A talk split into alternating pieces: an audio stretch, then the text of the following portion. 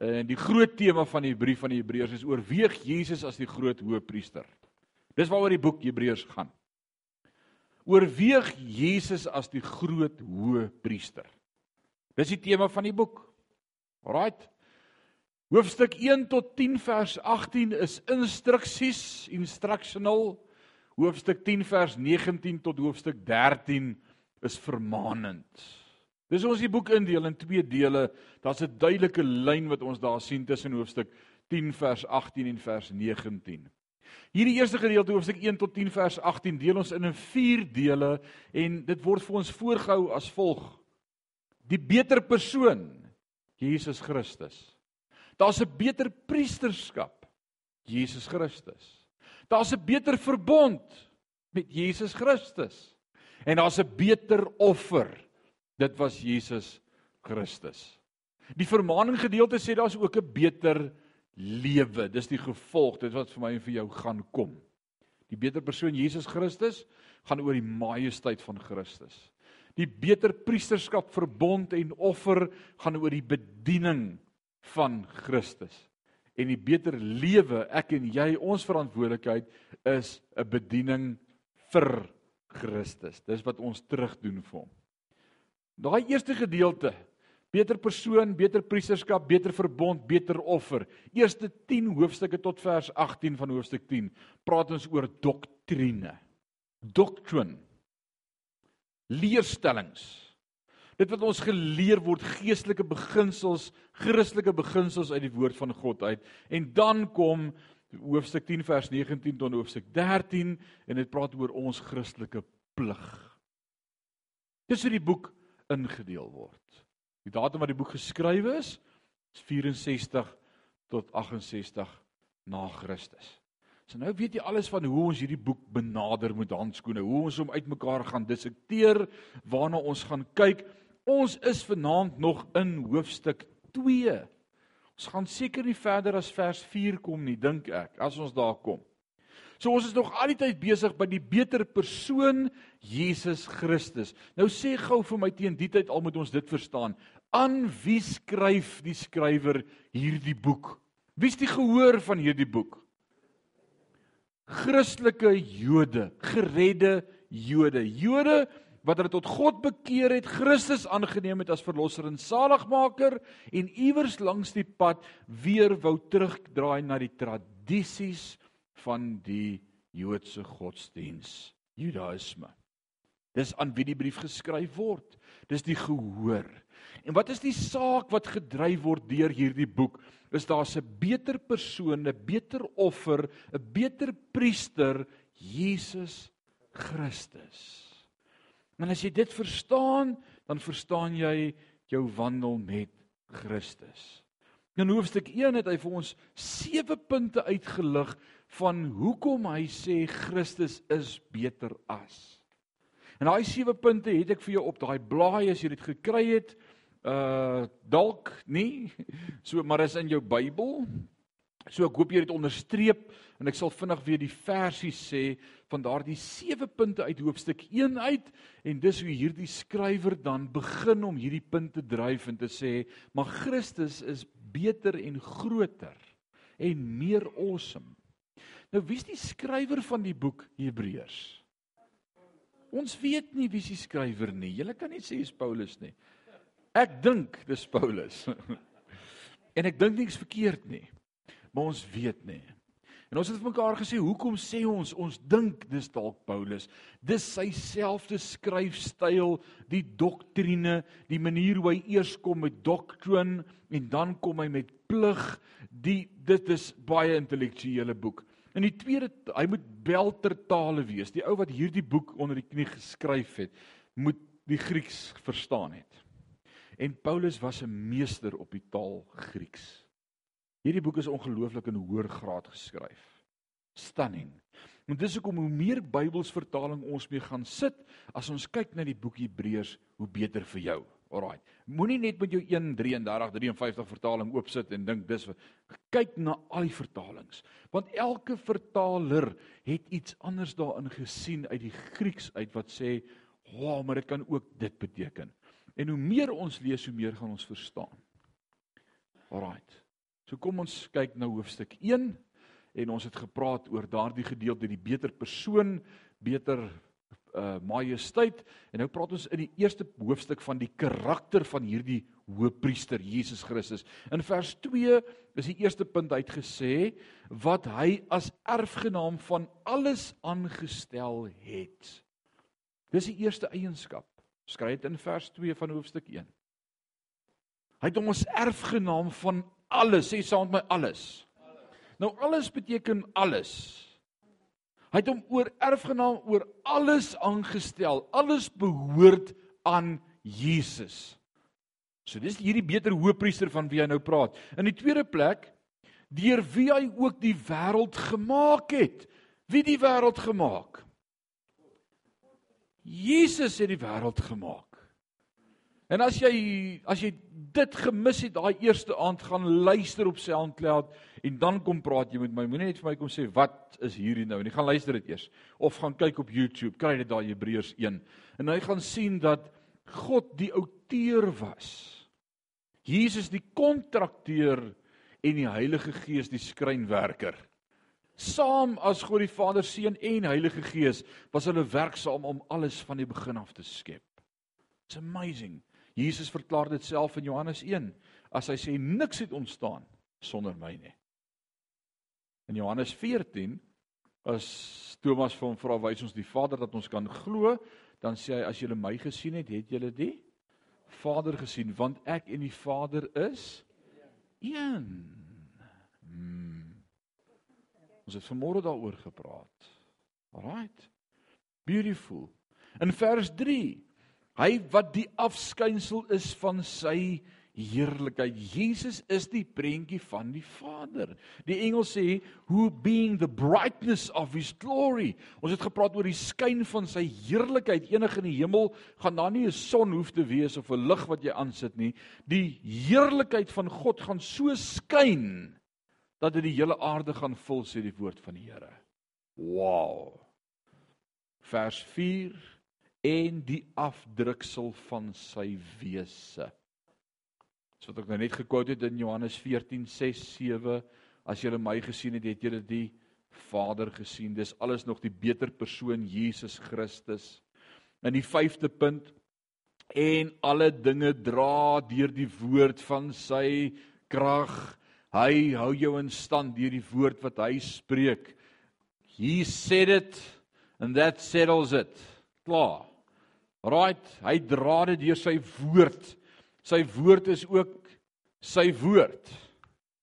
As die woord dit sê, dan sal dit vas staan. Loof die Here daarvoor. In die 6ste plek, nadat hy deur homself die reiniging van ons sondes bewerk het. Wie was die volmaakte offer? Christus, Jesus Christus. En dan in die sewende plek die karakter van die Hoëpriester Jesus Christus. Hy gaan sit aan die regterhand van die majesteit in die hoogte. Met ander woorde, hy regeer. He's a ruler. Beautiful. So dis die sewe karaktereienskappe waarvan Hebreërs 1 ons kom leer. Dis wie Jesus is. En dan nadat ons daar was by by wie Jesus is, dan kom die res van die hoofstuk en hy sê vir ons nie net is hy hierdie hoëpriester met hierdie sewe attribute nie, nee, hy's ook beter as engele. En ons het in detail laasweek in Hebreërs die tweede gedeelte daaroor gepraat dat hy's beter as engele en wat het engele ingehou vir die Jode? Hoekom is dit vir hulle so belangrik? Dis dit is ongelooflik belangrik vir die Jode. Engele en die kontak met engele en wat is ons verhouding met engele nou in die Nuwe Testament? Kry laasweek sin as jy nie hier was nie. Maar nou in hoofstuk 2 lees saam met my vanaand vanaf vers 1. In die lig hiervan, van dit wat ons nou gehoor het in hoofstuk 1, Hebreërs 2 vers 1. Daarom, sê saam met my daarom. So hier kom nou iets. Jy het inligting gekry, jy het feite gekry, daar's stellings gemaak, daar's doktrine wat aan my en jou gedeel is oor wie's hy en hoe belangrik is hy en hoe awesome is hy en groter as die engele is hy. En nou kom die skrywer en hy sê vir my: "Daarom moet ons des te meer ag gee op wat ons gehoor het." So hy sê wat die woord ons in hoofstuk 1 kom leer het is ongelooflik belangrik. Ons moet ag gee daarop dat ons nie miskien wegdryf nie. Daar's 'n rede hoekom ek en jy moet ag gee op die belangrikheid van hoofstuk 1 van Hebreërs 1 sodat ons nie miskien wegdryf nie. Want as die woord deur engele gespreek onwankelbaar was. En elke oortreding en ongehoorsaamheid geregverdig vergelding ontvang het. Hoe sal ons ontvlug as ons so 'n groot saligheid verontagsaam wat nadat dit eers deur die Here verkondig is aan ons bevestig is deur die wat dit gehoor het terwyl God ook nog saamgetuig het deur tekens en wonders en allerlei kragtelike dade en bedelinge van die Heilige Gees volgens sy wil. Right? En dit is die gedeelte wat ons vanaand na gaan kyk. Wie van julle het al op 'n tube in die rivier geswem? Of op 'n dam of in die see? Christian druk toe jou ore. Jare terug, 30 jaar terug toe ons as as as jong kinders hier aangekom het, was dit vir ons die lekkerste om daar by die hangbrug af te spring met 'n tube en dan is ons daar onder by die sandgat weer geloop kry. Jy kon dit toe nog gedoen het. Jy kan dit nie vandag doen nie. Alraai. So dit was dit was wat jy nog kon doen. Maar dan jy gedryf.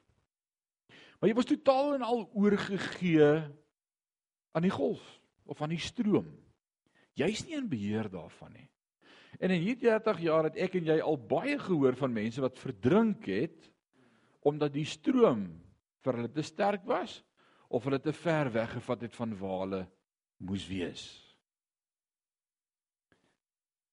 Dis 19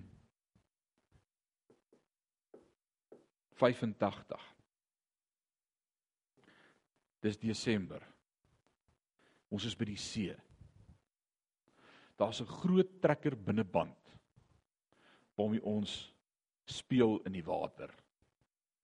Ons het so 2 km weggery van die skuite af noord Mosambiek se kant toe van Sodwana af.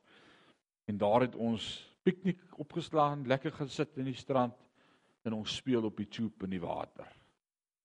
Dit raak effens gevaarlik in die water dit raak hoogwater en dit jy voel die golwe pluk pluk so aan jou. Van die tube af kort kort dop die tube om.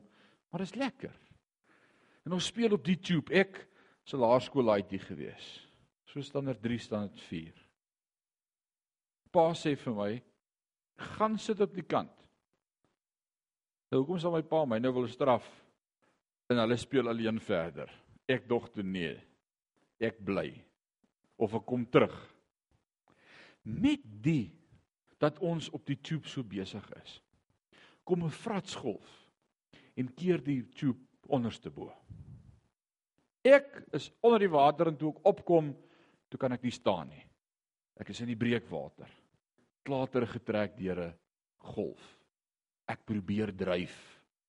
Om in die see te dryf is nie so maklik nie. Nie in breekwater nie. Nie vir 'n start 3 light nie. My pa sien dadelik wat aangaan. Die tube het uitgespoel op die strand en my oom wat ook daar was wat die tube so vasgehou het, Albert de Tooi, die tube het met die omdop het hy sy hele spier afgeskeur, dit is so potblou van die bloed onder sy arm en hy kan nie trap nie, so hy gaan lê op sy rug en hy dryf ook. Ons weet nie waar hy nie, hy kan ons nie sien nie, hy kan nie staan nie. Die vrouens lê in tan op die strand. Hulle klets soos wat vrouens betaam om te doen. Hulle gesels. En met die vertel my ma van my tannie van net toe hulle op honeymoon was, sy en my pa en my pa op 'n laailou in die see was en nou wil sy vir haar wys waar my pa in die moeilikheid gekom want toe dit met hom ook gebeur dat hy nou met die laailou in in is en hy kon nie uitkom nie agter die golwe. Nou sit sy so regop en sy sê, ah, "Hulle was omtrent so diep soos wat hy en Rinus nou is." So diep was hy met die laailou. Nou kyk my tannie en sê sy, "Maar dis nogal bietjie diep." Ek wonder waar is Albert? Nou sê my ma, "Ek wonder waar is die tube?" Nou sien hulle die tube lê hier by hulle. Alraai. So nou weet hulle hier's moeilikheid. Ons sê nie hallo nie, ons sê help. Dis daar moet 'n sein wees vir iets in die see as jy moeilikheid het. Dis nie hoe gaan dit nie. Alraai, daar's moeilikheid. Ons is in die golwe. My oom het gedryf, die golwe het hom so 100 meter noord uitgespoel. Hy lê op die strand. Hy sê hy weet nie waar ons is, so hy lê en bid vir ons. Toe die mense by hom kom, hoor hulle hy lê en praat in tale. Hulle dog hy het baie skok opgedoen. Met dan bid hy vir ons. Ons is in die breekwater. En vir 1 uur lank is al wat ek en my pa kan doen. Water trap, probeer dryf en ek het geleer bid. Twee goed wat gebeur het daai dag. Jy gaan nie so maklik dood nie want die Here hou jou vas in die holte van sy hand. En ons het vir 'n uur lank niks anders kon doen as water trap nie. Daar's nie sand onder ons voete nie. Dis 'n golf bo-oor, 'n golf onderdeur, 'n golf bo-oor, 'n golf onderdeur. Soutwater brand jou keel. Alles brand, jou sinus oop. Ek het vandag nog nooit weer sinus gehad nie. Dis oop en skoon. Alles is net geontsmet. En vir 'n uur lank trap ons water. En na 'n uur op daardie stadium, ek het my krulhare was baie langer as vandag. Ek het dit so teruggeblouwyf met so dik borsel. Dit was die styl soos Elvis. Dit was uh hy is al prentjie wat op die poster was as jy gaan hare sny, is Elvis. En op daai stadium toe kom daar 'n boot so voor voor 'n brander so ingejaag geskuit en hy pluk my aan my hare so aan my ek sal dit nooit vergeet nie. Ek's nie kwaad vir hom nie, ek het hom vergewe. Maar aan my hare pluk hy my uit my pa se hande uit binne in die boot in ons ry. So in die so in die ry. En nou los ons my pa. En ek sê my pa, hulle sê moenie worry nie, daar het 'n duiker afgespring, hy gaan na jou pa kyk. Nou is ons eers op pad strand toe. Toe ek uit my pa se arms uit is na al die beloftes wat ek vir die Here gemaak het en gebeloof het, ek gee my hart vir hom, ek sal nooit weer dit nie. Ek het goed repent dat my pa nie eers geweet het dit was ek wat dit gedoen het nie. Op baie stadium dink jy in elk geval jy gaan al lewendig uitkom nie, so jy kan dit maar net sowel mee deel. Verstaan? Uh eerder voor die Here as voor my pa. Ons het 'n tolk gehad na die tyd.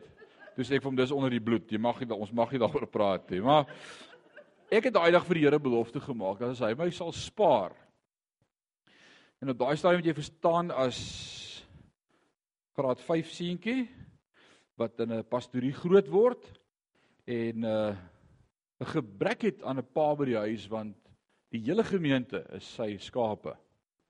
En hy doen elke dag by almal huisbesoek want dis wat 'n goeie pastoor moet doen. Jy moet daar wees. En ons bly op Hendrina, met ander woorde Hendrina aand te bid hier, Karli ag uh Poolenshoop, Arnold kragstasie en Komati poort Dinsdag, Woensdag, Donderdag aand, Vrydag aande berei voor Sondag preek hy twee keer.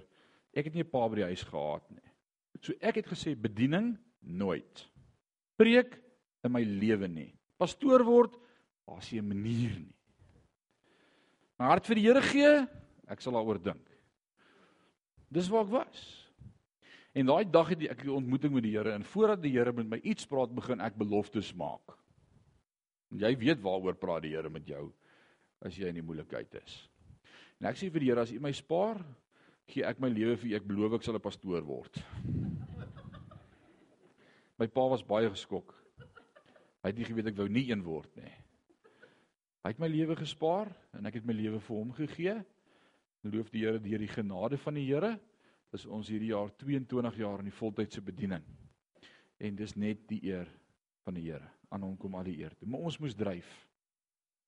So ek verstaan van dryf. So as Paulus die Hebreërs skrywer hierdie punt kom maak en hy hierdie woord kies om te gebruik dryf, dan verstaan ek dryf is 'n goeie ding, maar dryf kan 'n gevaarlike ding wees.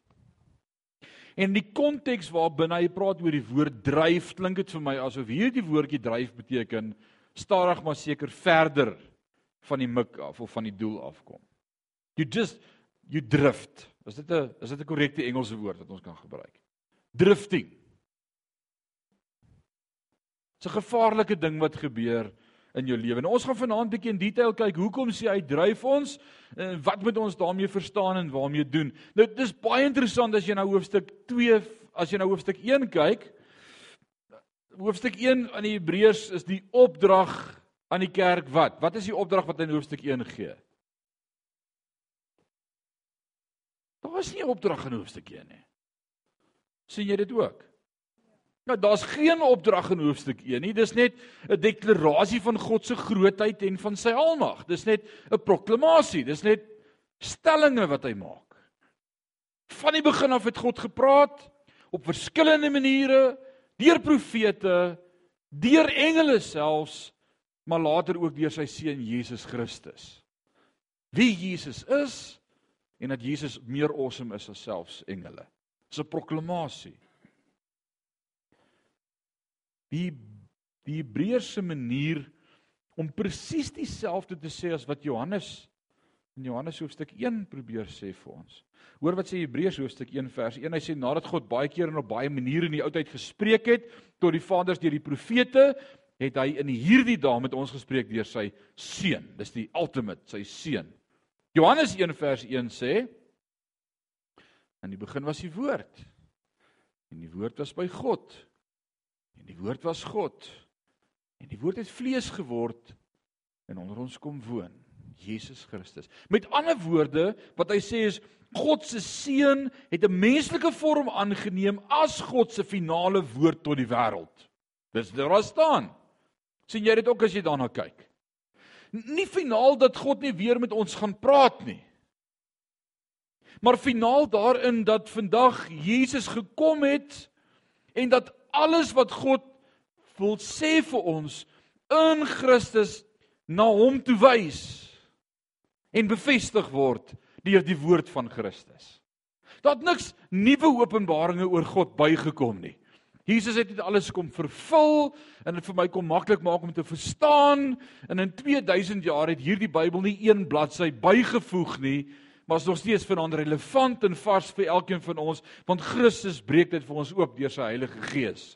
Dis gesê, dis daar en is in ooreenstemming met Christus Jesus. Die volheid van God is in Jesus. Kolossense 2 vers 2 en 3 sê om die verborgenheid te leer ken van God en die Vader en van Christus in wie al die skatte van wysheid en kennis verborge is. Alles is in Christus. Jesus sê hy wat die seun het, het die lewe. Wow. Jy het niks meer nodig as jy die seën het nie. Maar wat sê hierdie Engelse skrywer in in 'n boek, 'n kommentaar wat ek lees? Hy sê God has spoken by his son. And this son is creator and sustainer and owner and ruler and redeemer of the world. And it's beautiful. God praat deur sy seun en hoofstuk 1 het vir ons gesê sy seun was alles. Awesome. Nou in die eerste plek as ons hierdie gedeelte hoofstuk 2 vers 1 in die amplified sou lees. Ek weet nie wie van julle het 'n amplified Bybel nie. Het julle amplified? Jy kry nou ook die amplified in Afrikaans beskikbaar. Alraight. Beautiful. Hoor wat sê hy in die amplified? Hy sê since all this is true, since all what is true. Chapter 1. Right? God creator, Jesus creator, son of God, God spoke through Jesus. He's better than the angels, he's superior to all. He's the son of God, he is God. He's the image of God. And now chapter 2 comes and it says, since all this is true, we ought to pay much closer attention than ever to the truths that we have heard, lest in any way we drift past them and slip away. It's very important to to give heed to what chapter 1 says. Dis baie belangrik om kennis te neem van hierdie feite in hoofstuk 1 sodat jy nie dalk wegdryf nie. As ek vanaand vir jou hierdie twee Griekse woordjies sou sê, die autouto. Wat beteken dit? Ons Griekse kandidaate kyk nie eens op nie. Italiana. Dia tou tou. Wat beteken dit? Om Grieks? Wat sê jy daar agter, Tom? Daarom of for this reason en dis die woordjie waarmee jou vers 1 begin van hoofstuk 2 daarom met ander woorde eerste sê hy wat is die rede en hy kom met die rede as jy nie tyd gehad het om die opsomming van hoofstuk 1 te kan onthou nie of nog nie onder die knie het nie. Hy sê Jesus is beter as die profete en engele en as gevolg van hierdie beter openbaring moet ek en jy as leser ag gee op die woorde dat Jesus beter is. Soos die skrywer van die Hebreërs in hierdie brief sal doen nadat hy 'n leerstelling waarheid aangebied het, koppel hy die waarheid direk aan 'n ervaring vir die leser. Hoofstuk 1 was vol waarheid. Daar was nie 'n 'n pligte staat in of 'n opdrag nie, dit was net waarheid. En nou kom hoofstuk 2 vers 1 en hy koppel 'n opdrag vir my en vir jou aan hierdie waarheid. En wat is die opdrag wat hy vir ons gee? Hey, neem kennis hiervan. Dis belangrik en hou dit in die oog sodat jy nie dalk wegdryf nie. Met ander woorde, hierdie is nie net 'n opdrag nie is 'n waarskuwing, maar dis ook die Engels sê so mooi 'n remedy. Dis ook 'n antwoord. Dis ook 'n oplossing. En ek en jy moet onsself vanaand onder die vergrootglas sit en vanaand vra Heilige Gees help vir ons om eerlik te wees en introspeksie te doen. Hoeveel keer in ons geestelike lewe dryf ons weg? Vanaand se skrif sê vir jou hoekom dryf ons weg?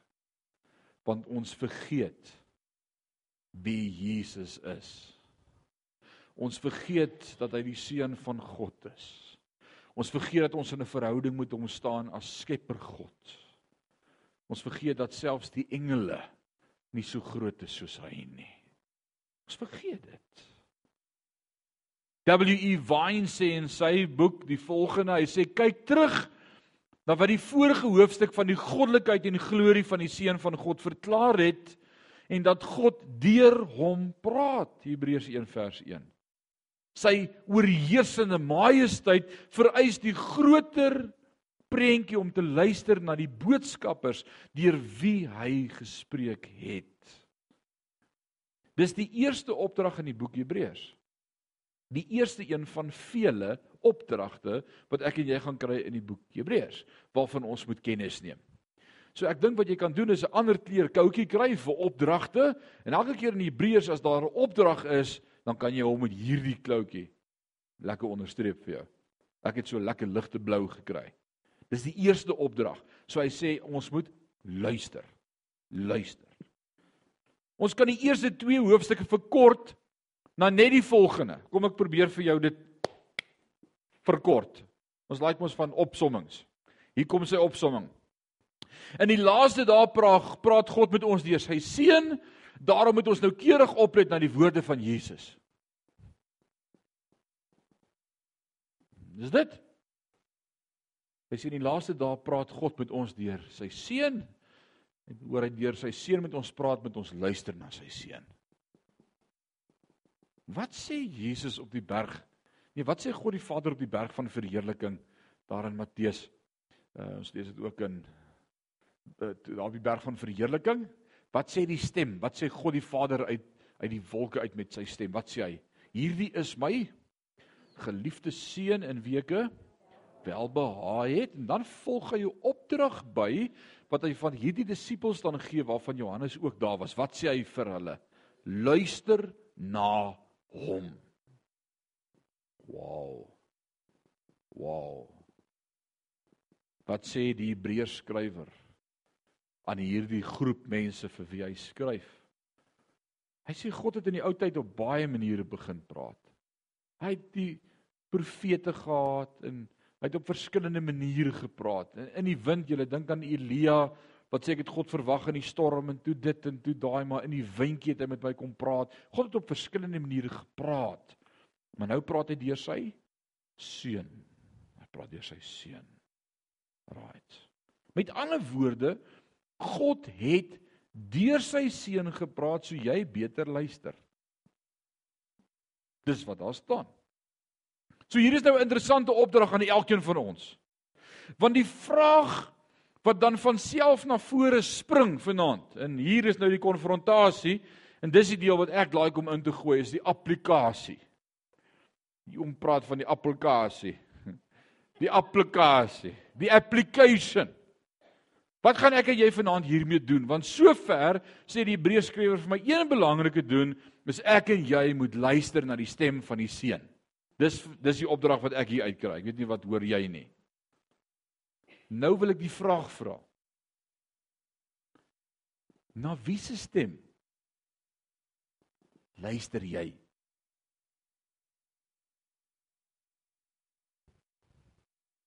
Want elke mens het in hom iets wat sy ore spits na iemand. Geen mens wil toe ore deur die lewe gaan nie.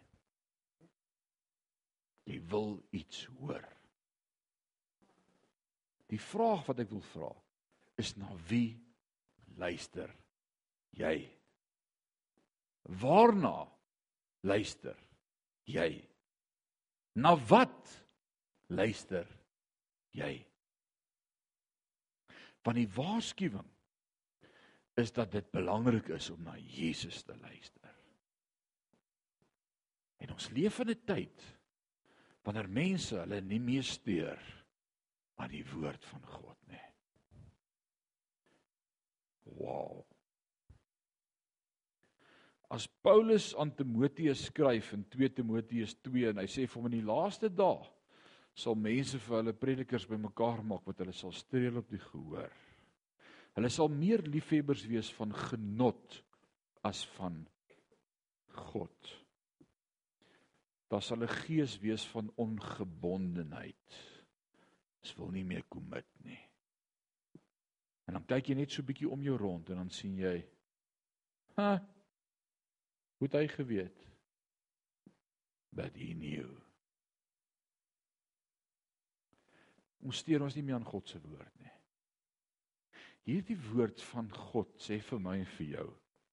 As jy by die altaar kom om te bid of te offer. En het jou byval dat iemand iets teen jou het. Jy het iemand upset. Jy het iets gesê of gedoen wat iemand gepla het. They got offended by you. Dan sê hy laat staan maar daai jou offertjie. En gaan sort jy dit eers uit. Want verhoudings is God belangrik vir hom. Ons leef in 'n tyd wat ons sê ek sal nie. Ek sal nie. Hy sal met my kom regmaak. Hy was verkeerd. Ons leef in 'n tyd wat ons hierdie woord van God met hom maak net wat ons wil. En nou is van hierdie kansel af. Mag jy altyd sê jy die regheid woord van God gehoor en mag ek jou nie sus nie. As jy hier uitstap en ek het jou gesus, dan was jy by die verkeerde kerk. Mag dit altyd 'n woord vir jou wees wat jy sê, "Sjof, vanaand het hy weer op my tone getrap." Want weet jy wat? Naas my vrou, ons is 21 jaar getroud in 'n maand en 'n hele paar dae. En ons gaan September 30 jaar uit. Is dit reg my vrou? 30 jaar. Dis my standaard 7 keus. Sy's nou nog op my keus, maar of ek op haar keus, wie sou wie se keus, ek weet nie. Ek het net gehoor ons keus. Ek verstaan nou hoekom noem hulle dit 'n keus. Dan praat van 'n case study. Alraai, maar voor ek vir jou preek.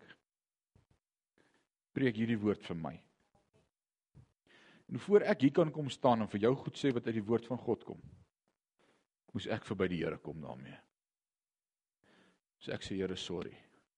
Die woord is nooit net de vat nie. Dis eers vir my. So as ek hier voorkom staan en dit sê, dan is dit omdat dit vir my persoonlik is. En elke keer net so wow soos vir jou. En glo my, my tone is blouer as joune. Want dis hoe God se woord werk. As Hebreërs 2 vers 1 kom en sê ons beter ag gee op die woord van die Here, wat gebeur as ek nie meer ag gee op sy woord nie? Wat gebeur as ek nie luister vir sy woord nie? As ek my nie steur aan die woord van God nie? Ek dryf weg. En dan kom mense by my in my beradingskliniek. Sê pastoor, ek hoor nie meer die stem van die Here nie. Ek voel God nie meer nie. Hy praat nie meer met my nie. Die interessante vraag en is so eenvoudig dat ek dan sou vra is wat is die laaste ding wat hy laas vir jou gesê het?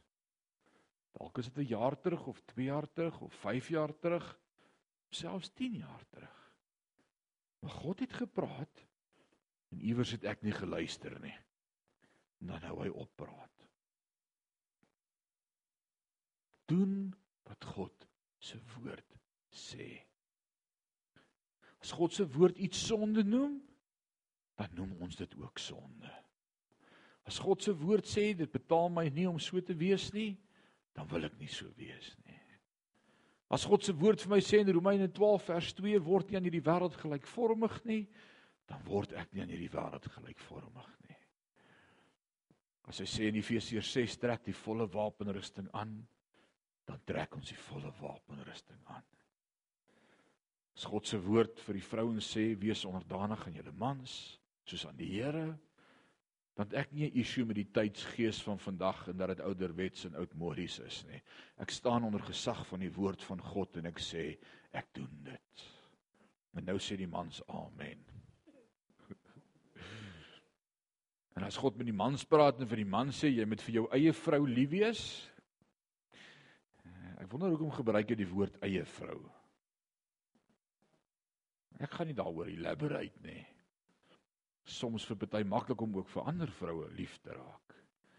Maar God sê jy moet vir jou eie vrou lief wees. Dan is dit wat ons doen. En net vir my eie vrou. Ons moet leer dat God se woord die beste vir ons wil hê. Net die beste. En die rede hoekom dit met ons soms nie goed gaan nie, want ons steur ons nie meer aan God se woord nie omdat hierdie gesagboek van God wat hy deur Jesus in die Nuwe Testament vir my en vir jou kom gee het, nie belangrik genoeg is om na te volg nie. Inteendeel, hoe weet ek dit? En dit is vir my so jammer en ek wil sê scary en ek wil sê vreesaanjaend en ek wil 'n klomp woorde gebruik, maar as ons by ons hoërskoolkinders betrokke is by godsdienstperiode en ek sou vir hulle begin vra vra uit die Bybel uit en hulle kyk vir my net so asof hulle in hulle lewe nog nie gehoor het waarvan ek praat nie.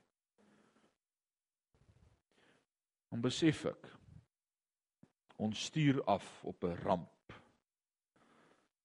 Die woord sê in Psalm 119 waarmee sal die jongeling sy pad suiwer hou deur dit te hou na u woord. U woord is 'n lig vir my voete en 'n lamp op my pad. U Here, u woord. En hier kom die Hebreërs skrywer in hoofstuk 2 vers 1 en hy sê As jy al hierdie goed gehoor het, kan jy net skree haleluja en amen in 'n awesome tyd te oor hoofstuk 1 se awesome verklaring en net sê jog, dis daarom groot. Die Here is amazing. Maar jy steur jou nie aan wat hy vir jou sê nie. En ons leef in 'n tyd wat mense hulle nie meer steur aan God se woord nie. Ons het allerlei maniere en draaie om om dit te kom en te sê ja, maar Ja, maar ons ek wil vir jou sê God se woord dit sê, staan dit vas. Ons kom nie verby dit nie, ons redeneer nie verby dit nie. God said it. That settles it. As dit jou mindset word. I've got my mind made up and I won't look back because I want to see my Jesus someday. As jy jou mind opgemaak het dat hierdie woord jou padkaart is, kan kom wat wil. Jy het besluit. Hy vergelyk ons in die Nuwe Testament, Jesus self praat, hy's aan die woord en hy vertel hierdie gelykenis en hy sê daar was 'n wyse man wat sy huis gebou het op die rots. Wat is die rots? Jesus, die woord. Die woord van God. Hy sê en dan nadat hy daardie huis gebou het, al die hel het losgebreek. Dit was 'n groot storm. Dit het gereën 40 dae en 40 nagte amper. Die wind het aan daardie huis gepluk, die water het opgekom. Maar wat het gebeur met daardie huis wat op die rots staan? Hy het bly staan. Maar die dwaas, hmm, hy het hom nie gesteer aan die woord van God nie. Hy het maar net so moeg getrof en gebou bou bou. En hy het ook storms gekry in sy lewe. Is nogal interessant dat Jesus nooit sê dat as jy 'n kind van God is, daar nie storms gaan wees nie. Het jy dit al ooit raak gesien? Want die ou wat wys was, het ook storms beleef, maar die dwaas het ook storms beleef en toe kom die reën en wat gebeur met daardie huisie? Kaplaks. Val daai huis plat. En ek wil vir sê in ons lewe is dit presies dieselfde. Omdat ons nie aan die opdrag van God luister nie. Ek wil sê dis uiters noodsaaklik. Wat Hebreërs hier vir ons kom sê is dat ons in ons dag moet aanhou om na God se woord te luister in Jesus Christus. En ons moet met ons volle aandag doen. Ek moet wakker wees as ek met God se woord sit. Hoeveel van ons lees gou 'n stukkie en bid 'n stukkie voor ons aan die slaap raak? En hoeveel keer word jy wakker met die Bybel op jou bors? Of as die Bybel uit jou hand geval het? Dan kan jy nie eens onthou wat jy gelees het nie. Ek wil vir jou sê as jy met God se woord sit en stilte tyd hou, maak seker jy's wakker. Maak seker jy's wakker. Maak seker jy is op die beste tyd van die dag. Sodat jy kan inneem want dit is die belangrikste woord wat jy daai dag sou lees. Dis God se woord. Dis die belangrikste. En God wil met my en met jou praat. Ons kan hierdie opdrag nie net sommer net ons nie aansteur nie. Ons moet luister. Ons kan nie maak asof ons alles alreeds weet nie. En praat met ouens in ons tyd oor die woord van God, dan sê jy, kom woordskool bietjie saam met ons. Oeg, nee, wie ek is al 40 jaar op die pad. Ek weet nou, ek seker ek weet al alles van woordskool af. Woord van die Here sê jy wat staan. Oppas dat jy nie val nie.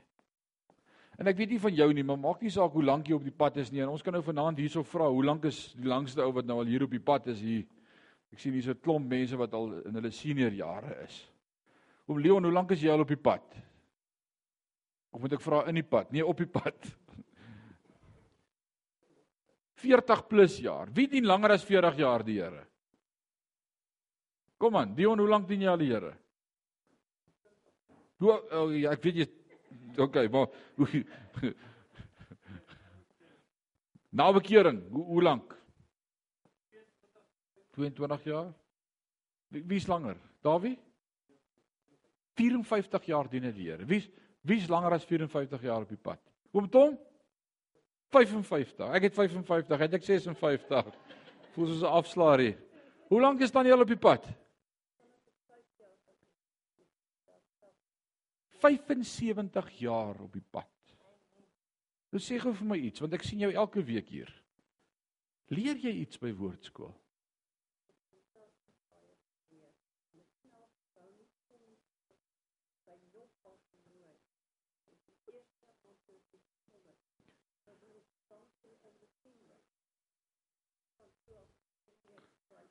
Hierdie tannie mis nie een week nie. Na 75 jaar op die pad sê sy ek leer nou eers. Wat probeer ek vir jou sê? Moenie dat iemand vir jou sê ek weet klaar nie. Jy weet nooit klaar nie. Hoeveel keer het jy dieselfde stukkie in die Bybel oopgemaak en gelees en ewe skielik eendag dan spring iets uit en dit sê, "Wow, is dit wat daar staan?" Ons dis wat die woord doen. En wat hy hier vir ons kom sê is ons kan nooit dink ons weet klaar alles nie of dat ek nie gaan baat om na Jesus se woorde te luister nie of ek wil my nie aan sy woorde steur nie. Nee, dan gaan ek wegdryf. En ons sien ons dag so baie mense wat besig is om weg te dryf van die Here af. Daar's vir my niks so hartseer as wanneer ek mense by ons gemeente sien wegdryf nie. Hou my in die nagte wakker as ek bid en dan sê ek Here, ek bid vir daardie gesin, ek mis hulle. Ek sien hulle nie hier nie. Ek sien hoe dryf hulle weg. Ouens, dis net die woord van God wat jou vashou. Right. En hier kom 'n dringendheid in Hebreërs 2 vers 1. Dit sê letterlik, dit is uiters noodsaaklik dat ons sal ag gee op wat ons gehoor het. Wat sê Jesus daarin en, en is dit uh Matteus hoofstuk 6 as hy vir my sê en daardie dae sal baie vir my sê Here Here in u naam het ons allerlei dinge gedoen duiwels uitgedryf siekes gesond gemaak. En dan sal ek vir hulle sê gaan van my weg julle bewerkers van die duisternis want ek het julle nooit geken nie. En dan sê hy elkeen dan wat hierdie woorde hoor en doen En ons leef in 'n tyd wat mense net hoor, maar hulle luister nie eers nie. Wat nog van doen? Mag God ons help in Sion gemeente dat ons mense sal wees wat doen. Daders, nie net ouens wat sit en hoor nie. As God se woord so sê dan doen ek dit van sy woord sê so. Doen dit, doen dit, doen dit. En ek dink dis wat hierdie gedeelte probeer sê. Dis nie 'n opsie of net goeie raad nie, maar eerder 'n vermaaning.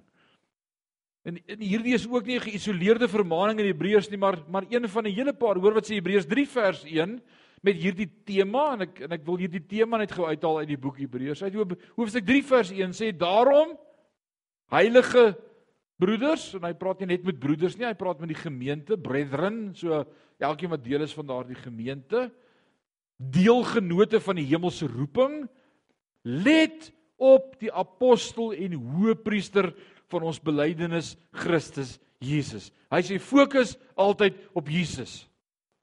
Dis die tweede keer wat hy dit sê. Hoor wat sê Hebreërs 12 vers 1 en 2. Daarom dan weer daardie woordjie daarom terwyl ons so groot wolk van getuienis rondom ons het Laat ons ook elke las af lê en die sonde wat ons so maklik omring. Sê saam my so maklik. Jesus dit onderring ons daarin maklik.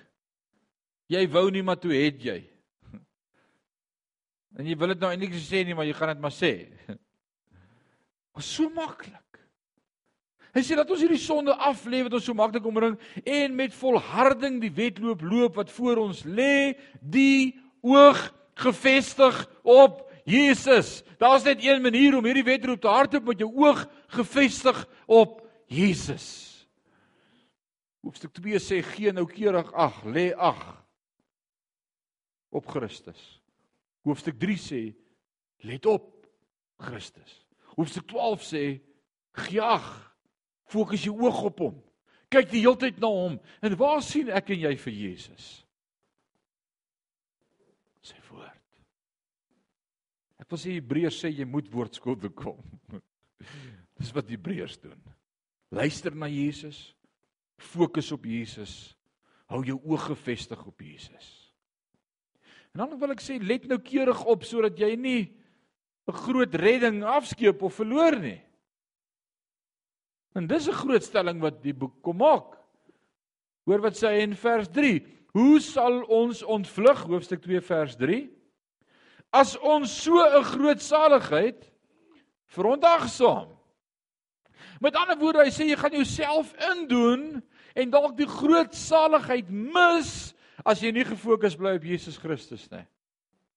En ek wil vir jou sê in die tye waarin ons leef, en die ekonomie van ons dag, en die politiek van ons dag, en die menseverhoudings in ons dag, en die media van ons dag, Wil ek vir jou sê jy nie jou oog gaan hou op Jesus Christus nie, gaan jy dit nie maak nie. Right. Laat my dink aan Petrus, pragtig. Wat moes Petrus doen toe hy op die water wou loop? Hy moes sy oog hou op Jesus. Dit gebeur die oomblik toe hy wegkyk van Jesus af. In 'n oomblik sink hy. Hou jou oog op Jesus. Met ander woorde, as ons op Jesus bly fokus, is daar redding daarin vir ons. Daar's beloning. Wat gebeur as ek die hele tyd op Jesus fokus? Hy red my. Ek onthou daardie ou koortjie nou skielik wat hier in my kop draai en jog, dit was jare terug. Hy verlos my en hy red my en hy maak my vry. Wil hom? Hy verlos my van my sonde. Halleluja, prys sy naam. Dis ons het vir hom oor en oor gesing. Maar dit bly so onsom waarheid. Want dis wat Jesus doen. Dis wat gebeur wanneer ek fokus op Jesus. As jy Christus gesentreerd lewe, sal jy lewe hê. Amen. Let op sodat jy nie vernietig word nie. En nou kom die tweede rede waarom ons aandag moet gee op die woorde van Jesus As ons dit nie doen nie, sal ons wegdryf. In vers 1 het gesê, daarom moet ons des te meer ag gee, sê saam met my ag gee. Nou keurig let met ander woorde op wat ons gehoor het. Dat ons nie miskien wegdrywe nie. Net soos 'n kurkprop op die Vaalrivier. En die skrywer sê hier vir ons dat as ons nie nou keurig gaan oplet na die woorde van Jesus nie, ons sal weg drywe van God se woord af. Ons was so groot in die sonnaskool toe sing ons daardie koortjie Marlene jy het dit vir jou kinders geleer. Lees jou Bybel, bid elke dag en jy sal groei, groei, groei. Daai jy dit. Maar dit tweede vers. Verwaarloos jou Bybel. Vergeet om te bid en jy sal krimp krimp krimp en dan nader aan lê die kinders op die grond hulle het nog gekrimp kom ek gebruik gou kom ek sê dit ek dink om kerk toe te kom en die onderlinge byeenkomste soos wat Hebreërs 10 vers 25 het vir ons skets nie af te skeep nie, maar by te woon is 'n goeie gewoonte. Ek dink is 'n goeie gewoonte. Wie kan sê amen? Amen. Alraai. Ek dink is 'n baie goeie gewoonte.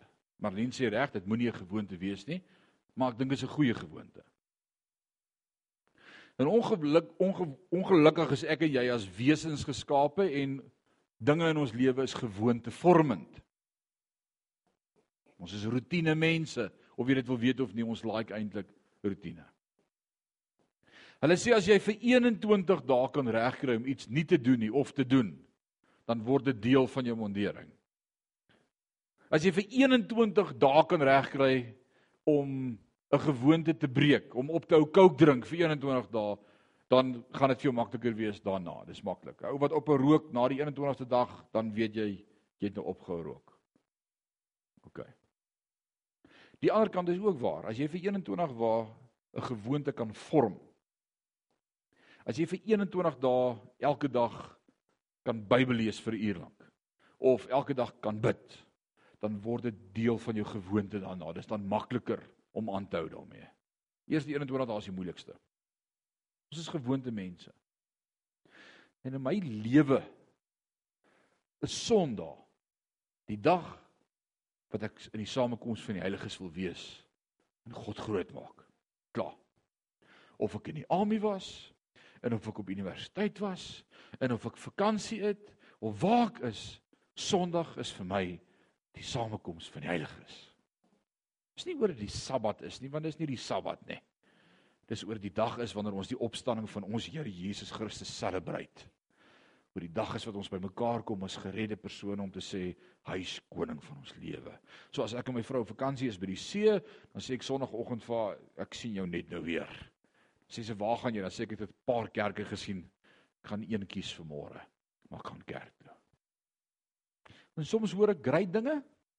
En soms kom ek terug en ek sê vir haar ek het nou vanmôre gesien wat ons nooit moet doen nie. Dis goed. Maak dit iets gesien. Dan wil ek vir jou iets vertel. Net soos wat dit 'n goeie gewoonte is om gereeld in die huis van die Here te wees. Net so moeilik raak dit as jy 1 of 2 of 3 sonne na mekaar weggebly het. Net so moeilik raak dit om dan weer te begin kerk toe kom. En wie weet waarvan ek praat. Ja. Ek ek hoop ons het al almal daardeur gegaan in ons lewe. Maar nou wil ek 'n waarheid met jou deel vanaand. As daai gewoonte nie in my lewe is nie, gaan ek dit afskeep. Die eerste week is dit moeilik om by die huis te bly want jy wil by die kerk wees want jou gewoonte is daar want jy doen dit altyd. Die tweede week is dit bietjie makliker, maar is nog steeds 'n challenge. Die derde week dink jy 'n verskoning uit hoekom jy nie hoef kerk toe te gaan nie. Die vierde week dink jy nie eers meer 'n verskoning uit nie. Ons bly net by die huis. En my kinders het in hulle lewe nog nooit die voorreg gehad om by die huis te bly op Sondag nie. Hulle vra nie eers vir my is daar kerk nie. Want Sondag gaan ons kerk toe. En ek dink aan hulle lewe is daai gewoonte ingebrand. My vrou vra partykeer vir my, wie preek vanmôre? Maar is dit weer jy? Uh nee ek spot. Dis ons gewoonte. Dis ons lewe. As jy eendag nie God se woord oopmaak en lees nie, gaan jy dalk voel, "Ja, my dag was bietjie deurmekaar." As jy môre ook nie lees nie. En so week gaan verby en jy lees hom nie. Weet jy wat? Dan is dit moeilik om weer terug te kom in die woord. En hierdie woord wat hy vanaand vir ons bring, wil ek hê moet met elkeen van ons praat. As hy vir jou sê daar's 'n rede hoekom ons moet ag gee op God se woord. Want as ons dit afskeep, dryf jy weg van die Here af. Dis nie 'n las nie, dis nie 'n dreigement nie, dis nie 'n wet nie, dis nie dan gaan die weerlig jou slaan soos vanmôre se storie nie. Nee. Jy gaan net 'n gebrek hê in jou lewe. En ons kommitment hier by woordskool is om te sê hierdie woord van God is vir ons belangrik. En dan herinner ek my die heeltyd aan daardie profetiese woord wat die Here 4 jaar terug vir my gegee het. Toe ons net begin het met woordskool, ons was so jaar besig. Toe staan ek hier aand hier voor en daar was maar so 'n paar mense hier en toe ek so opkyk, toe wys die Here vir my gesig dat ons woordskool in die aande gaan die kerkopkoms voller wees as by ons oggenddienste. En dis waarvoor ek nou al 4 jaar bid. Vir die oggend wat daai aand as die galery oop is en ons het ons nuwe kerk en en ouens sê ons is hier vir die woord van God. Ons wil verstaan. Ons wil groei sodat ons kan gaan disippels maak. As hierdie woord vanaand met my en met jou praat, dan sê hy vir jou omdat Jesus die beste is, die grootste is, en selfs beter as engele is. Jy kan maar luister wat hy sê. Want hy het die antwoorde. Hy het die antwoorde van die lewe. Psalm 90 vers 14 en ek wil hiermee afsluit vanaand. Hoor wat bid bid hierdie skrywer van Psalm 90 vers 14. Hy sê: "Versadig ons in die môre met u goedertierenheid sodat ons kan jubel en bly wees in al ons dae. Ek wil vir jou sê dis wat die woord van God doen. Versadig jou met die woord van God en jy sal jubel en bly wees al jou dae. Want God se woord is met jou. As ek nou 'n dominee was het ek gesê amen. Kom ons staan op, dan gaan ons saam bid.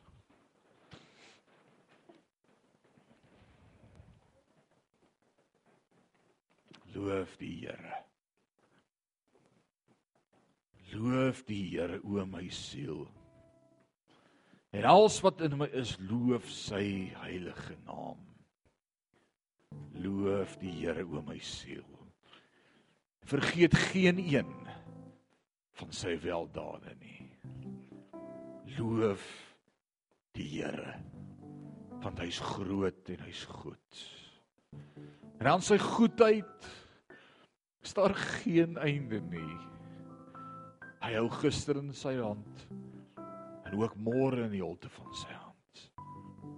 Sy woord sê hy's met my al die dae van my lewe. Die woord sê hy trek voor my uit en hy maak my paaie gelyk. Die woord sê al val daar 1000 aan my linker en 10000 aan my regterhand. Na my toe sal dit nie kom nie. Hy sê hy nommer die hare op my hoof. En nie een val af waarvan hy nie weet nie. Hy's die seun van God. Hy is God. Sonder hom was niks en sonder hom kan niks wees nie. Hy is en hy sal wees tot in ewigheid. Vanaand wil ons aan U die lof en die eer bring, Vader, vir hierdie wonderlike woord uit Hebreërs hoofstuk 2 uit. Dankie vir die vermaaning vanaand vir elkeen van ons om in die woord te wees en in die woord te bly. Ons wil vanaand bely, Vader, is vir ons soms so maklik om verskonings uit te dink om ander dinge te doen as om in die woord te wees. Ek wil vanaand bid. Gee ons weer 'n standvaste gees. Soos ou Dawid bid as hy sê skep in my 'n rein hart, o Heer. Gee my weer 'n standvaste gees, was my opnuut in die kosbare bloed van die lam dat ek rein kan wees. Hoe vanaand bid, gee vir ons daardie gees van leergierigheid om te wil groei, om vas te staan in die woord, maar bo alles wil ek vanaand bid vir elkeen van ons Vader dat ons nie sal hoorders wees van die woord nie, maar sal daders word van die woord. Daar's te veel wat net praat oor die Here heeltemal te min wat doen. Help ons om te doen. Help ons om te doen. Help ons om te doen. Dankie Vader. Dit is so kosbaar in u teenwoordigheid vanaand. So kosbaar, hier so gees van vryheid en sommer net lig en wonderlik in u teenwoordigheid. Dalk wil jy vanaand net jou hande so oomblik opsteek. Niemand kyk rond nie. Net vanaand vir hom sê, "He's awesome. He's great. Hy is koning van die konings." Die skoning van my lewe. Kom aan, steek net jou hand so bietjie op en sê vanaand hier's hier's great. Here, daar's niemand soos U nie. Hier's awesome. Dankie vir die woord van God. Dankie dat U met ons praat. O, oh, dankie dat God se woord nog praat. dankie dat U onveranderlik is. Dankie. Dankie dat ons hier mag beleef. Dankie vir die Heilige Gees van God. Dankie vir U teenwoordigheid. Dankie vir U nabyheid. Dankie dat U ons voete rig op hierdie pad ook in hierdie week elke obstakel wat voor ons lê, wil ons vanaand in die naam van Jesus oorwinning oorspreek. En ons wil bid Vader dat U vir ons sal oorwinning gee in ons eie lewe. Ook oor ons challenges, oor die sonde wat ons so maklik omring, dat ons dit sal afskud. Ons loof U daarvoor. In Jesus naam. Amen. Amen.